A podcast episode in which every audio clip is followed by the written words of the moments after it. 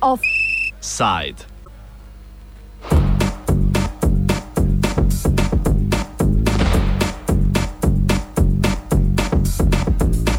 Sporazum med Črnogorsko koalicijo in opozicijo.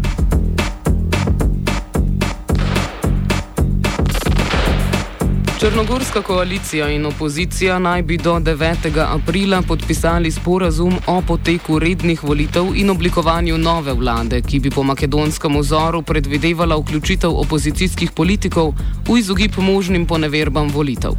Izven parlamentarna državljanska platforma in tri največje opozicijske stranke, z izjemo pred meseci protestno bojevitega demokratskega fronta, so s premijejem Milom Džukanovičem dosegle dogovor, v katerem so uspele uresničiti večino svojih zahtev.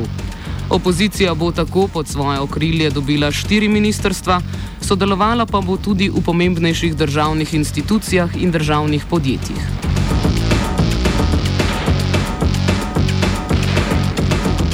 Nastali dogovor je posledica pritiskov opozicije in Bruslja ter Washingtona glede kršitev volilne zakonodaje in goljufanja na volitvah. Nekaj tega je bilo tudi dokazano v sodnih postopkih, glede na dogovor pa bo posebno tožilstvo za organiziran kriminal zadevo preiskovalo še naprej. Več o sporozumu pove Zlatko Vujovič, predsednik Centra za monitoring in član nacionalne protikorupcijske komisije. Pa sporozum prije svega se fokusira na ona pitanja koja bi trebala da ograniče zloupotrebu državnih resursa od strane vladajuće političke partije, demokratske partije socijalista. Jer vašim slušalcima je vjerovatno poznato da je Crna Gora jedina zemlja u Evropi, geografskoj Evropi, u kojoj nikad nije došlo do promjene pune vlasti, odnosno da transformisani savez komunista vlada sve vrijeme od uvođenja više stranača to je omogućilo ogromnu koncentraciju moći u rukama vladajuće partije koja najveći dio tih resursa koristi da bi obezbijedila podršku birača.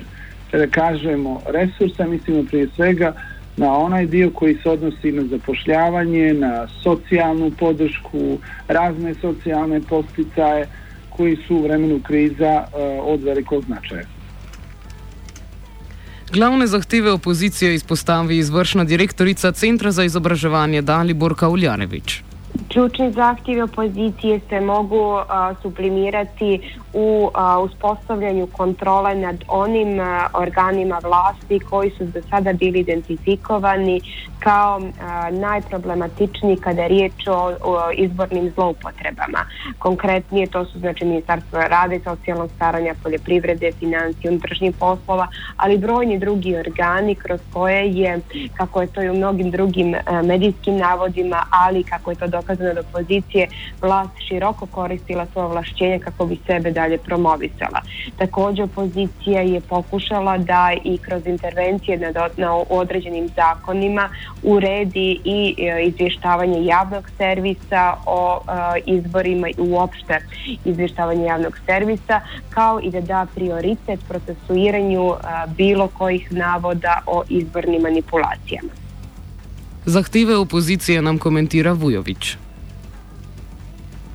A, pa, prije svega treba razvojiti onaj dio koji se odnosi upravo ono što sam rekao oko e, demokratskih uslova za održavanje fair izbora parlamentarnih od nekih zahtjeva koji nemaju direktne veze sa tim. E, uglavnom, svi oni zahtjevi koji su e, zatraženi od strane opozicije, a ticali su se isključivo parlamentarnih izbora, su prihvaćeni a nije prihvaćen zahtjev recimo socijalističke narodne partije, partije koja je nekad nestala, nastala cijepanjem DPS-a, da se referendum o članstvo u NATO održi istoga dana kad i parlamentarni izbori. Također nije ni prihvaćen zahtjev da se lokalni izbori u Tirtu koji se održavaju za dvije nedjelje odlože i održe Eh, istog dana kao i parlamentarni izbori. Razlozi su veoma jasni. Prva stvar, pitanje članstva u NATO nema apsolutno direktne veze sa demokratskim uslovima za održavanje parlamentarnih izbora. a također ukoliko bi se odložili izbori u Tiftu, onda bi na taj način Skupština Crne Gore prekršila ustav i zakon, jer bi odbornicima, odnosno članovima lokalnog parlamenta u Tiftu mandat nezakonito i neustavno produže na period duži od četiri godine na koje su izabrane. Prosto to su bili zahtjevi koje u ovom trenutku nije bilo moguće. Ono što je izazivalo dosta, da kažemo, eh, nedumica u javnosti i sporenja jeste pitanje eh, pozicija opozicijonih predstavnika u nekim službama koje bi trebale po svojoj definiciji da budu nezavisne. Prije svega riječ je o smjeni i dovođenju nove nove, novog direktora e, javnog servisa, odnosno državne crnogorske televizije, za koje se tvrdi da je kadar DPS-a. E, to je u direktnoj suprotnosti sa crnogorskim zakonom o elektronskim medijima, drugim pravilima koji se tiču javnog servisa. Međutim, nađen je kompromis koji podrazumijeva sa jedne strane saglasno svih aktera da su određene promjene nužne u državnoj televiziji, ali također dobrovoljnost da osoba čija je ostavka zatražena to uradi samo inicijativno, da se ne bi srušili i kršili zakonski, zakonski propisi. Ono što je također bilo jedno od pitanja sporenja jeste mjesto glavnog inspektora u Agenciji za nacionalnu bezbjednost. Znači, riječ je o čovjeku drugom čovjeku Agencije za nacionalnu bezbjednost i opozicija je tražila da to mjesto pripadne njoj.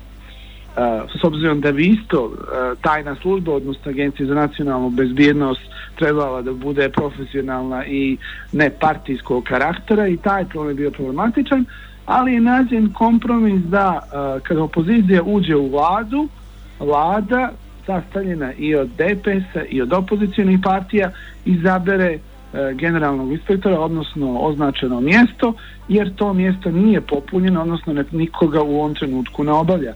Tako da naporima svih aktera, ali moramo reći i pritiskom prije svega zvaničnog Vašingtona i Brisela, došlo se do određenog kompromisa i zaočekivati je da u narednih e, deset dana se potpis, e, sporazum potpiše i krene se u njegovu implementaciju. Opozicija trdi, da vlada nima legitimnosti in ni sposobna izvesti legitimnih volitev, pojasni Vujovič. Problemi u sprovođenju predsjedničkih izbora 2013. godine. Na tim izborima učestvovala su dva kandidata, jedan demokratske partije socijalista, Filip Vujanović i proti kandidat gospodin Miodrag Lekić op opozicije. A, prosto a, nepravilnosti koje su dešavale tokom tog izbornog procesa a, su prilično narušili poverenje u integritet izbornog procesa. Na tim izborima nije bilo a, domaćih posmatrača, odnosno nevladinih organizacija koje redovno nagledaju izbore, jer je bila procena međunarodne zajednice da nema potrebe podržavati gransko nagledanje, jer je eto, institucije su sposobne same da sprovode i to je poslužilo kao prostor e, pripadnicima vladajuće partije da u velikom dijelu zloupotrebljavaju izborne procedure. E, opozicija je protestovala, to je izazvalo proteste, političku destabilizaciju Crne Gore, a tome je doprinio dosta i koalicioni partner DPS-a, socijaldemokratska e, stranka Ranka Kriokapića, koja je dovela u pitanje ne samo vladu, i njen dalji rad već se također ukazivala na zloupotrebe izborno, u izbornom procesu tokom predsjedničkih izbora od strane pripadnika pripadnika DPS-a. E, sve ta destabilizacija, loši odnosi u parlamentu i unutar vladajuće koalicije su prosto doveli do toga da SDP napusti koaliciju, a da vlada dobije manjinsku podršku uh, od strane do tada opozicione pozitivne Crne Gore, koja je podržala vladu. V pogovore so bile od začetka vključene tri opozicijske stranke, med potekom pa so sodelovale tudi nekatere druge. Obrazloži Uljarevič. Pa tačno je da su tri uh, opozicijne stranke bilo od početka uključene u pregovore i došle zapravo do ove završne faze, ali istovremeno su i druge na različite načine participirale. Znači jedna od njih socijalistička narodna partija znači uh, sada ušla u uh, proceduru na neki način nakladnog potpisivanja sporazuma, iako je ona u određenom kapacitetu i ranije učestvovala. Također Demokratska Crna Gora mada ne učestvuje je navela da neće obstruirati ovaj sporazum koliko ga potpišu sve opozicijne stranke. Ono što ostaje, znači još uvijek upitno je pozicija pozitivne Crne Gore koja je od strane opozicije sada odbačena kao opozicijna stranka jer je u prethodnom periodu dala podršku vladi u parlamentu i demokratski front je praktično sam sebi isključio iz procesa, ali po navodima koje su dali lideri ove tri partije, SDP-a, Demosa i URE, svima će biti ponuđen spojivanje i vidjet ćemo kako će se prema njemu odrediti, znači u konačnici Socialistička narodna partija, Demokratski front i Demokrate. Zahteve opozicije so vključevale štiri ministrstva, Džukanovič pa je ponudil tudi prosto mesto namestnika premijeja. Katere ministerske stolčke bodo zasedli člani opozicije in kakšno moč bodo s tem pridobili Vujovič? Pa v fokusu interesovanja. U toku fokusu interesovanja opozicije je mjesto potpredsjednika vlade koje je upražnjeno jer je gospodin Igor Ukšić, potpredsjednik i ministar inostranih poslova podnio ostavku jer je kandidat za generalnog sekretara Ujedinih nacija. Oni također žele ministarstva kao što je ministarstvo financija, rada i socijalnog staranja, obrazovanja, znači ona ministarstva poljoprivrede, znači ona ministarstva koja su koriste, raspolažu ogromnim sredstvima za koja se mogu koristiti tokom predizborne kampanje. Uh, oni žele prosto ta ministarstva jer ona znače moć tokom predizborne kampanje s tim da još uvijek nije jasno uh, na, na čelu kojih će ministarstava biti u formi ministra, a u nekima će imati pokriti mjesta zamjenika ministara sa specijalnim ovlašćenjima da praktično mogu blokirati uh, odluke ministra. Ena izmed zahtev opozicije je bila tudi, da dobi položaje v javnih podjetjih. to je cijeli niz e, javnih preduzeća e, E, kao što su recimo koji mogu biti iskorišteni e, tokom predizborne kampanje za davanje kredita ili ne samo kredita nego raznih posticaja od dozvola primjer radi e, s obzirom da je duga lista takvih preduzeća na toj listi se također nalazi investicijono razvojni fond e, koji recimo se bavi kreditiranjem kreditiranjem određenih investicija kao bilo u poljoprivredi, bilo u nekim drugim oblastima. Znači, opozicija smatra da takvo preduzeće kao što je recimo i preduzeće sa velikim udjelom državnog kapitala, kao što je to recimo elektroprivreda Crne Gore, trebaju biti pod kontrolom tokom predizborne kampanje. Zdajšnja javna podpora političnih strank med voljivci nakazuje za možnost zmage opozicije, je pa v tem trenutku še nemogoče napovedati, kako bodo volitve potekale in kakšni bodo rezultati. To, u ovom trenutku, ako govorimo o pojedinačnim rezultatima, CEMI je baš radi jedno istraživanje i dobili smo rezultate prije nekoliko časova.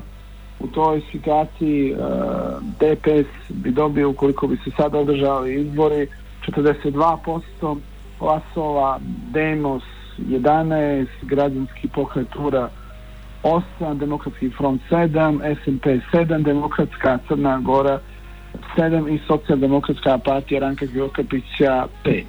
Znači, ako je suditi po ovim rezultatima, veoma lako se može desiti da, ukoliko ne bude nekih dramatičnih promjena, DPS bude u prilici zajedno sa manjinskim partijama da dođe do parlamentarne većine. Međutim, to je sve veoma blizu i može se lako desiti da DPS ostane u opoziciji. E, dosta je nepoznanica jer mi u ovom trenutku ne znamo kako će partije izaći na izbore, da li same ili u koaliciji sa drugima i da li će biti dosta rasutih glasova, odnosno e, oni glasova koji su dati političkim partijama koje nisu prešle cenzus pa su ostale e, van parlamenta.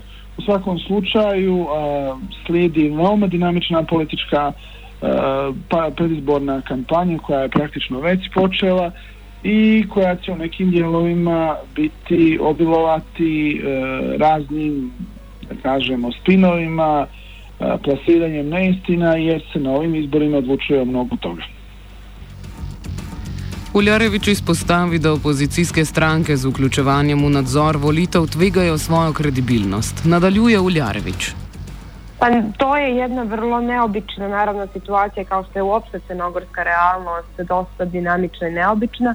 A, naravno da je veliki rizik za one opozicijne partije koje ulaze sada u vladu da u vrlo kratkom vremenskom periodu uspiju da iskontrolišu sam izborni proces, a da se ne kompromituju. Ali na drugoj strani činjenica je da crnogorska vlast ne može biti smijenjena kroz radikalne rezove i kroz ono što su i dosadašnji bili napor uključujući proteste i da je e, bitno ući u proces mirne tranzicije i ovo može da bude dobar put ukoliko se naravno i sama opozicija dobro snađe u tim novim ulogama. Ostalo je samo še, da sporazum potrdijo vodstva vseh političnih strank. Več o trdi roki voditeljev črnogorskih strank pove Vujović.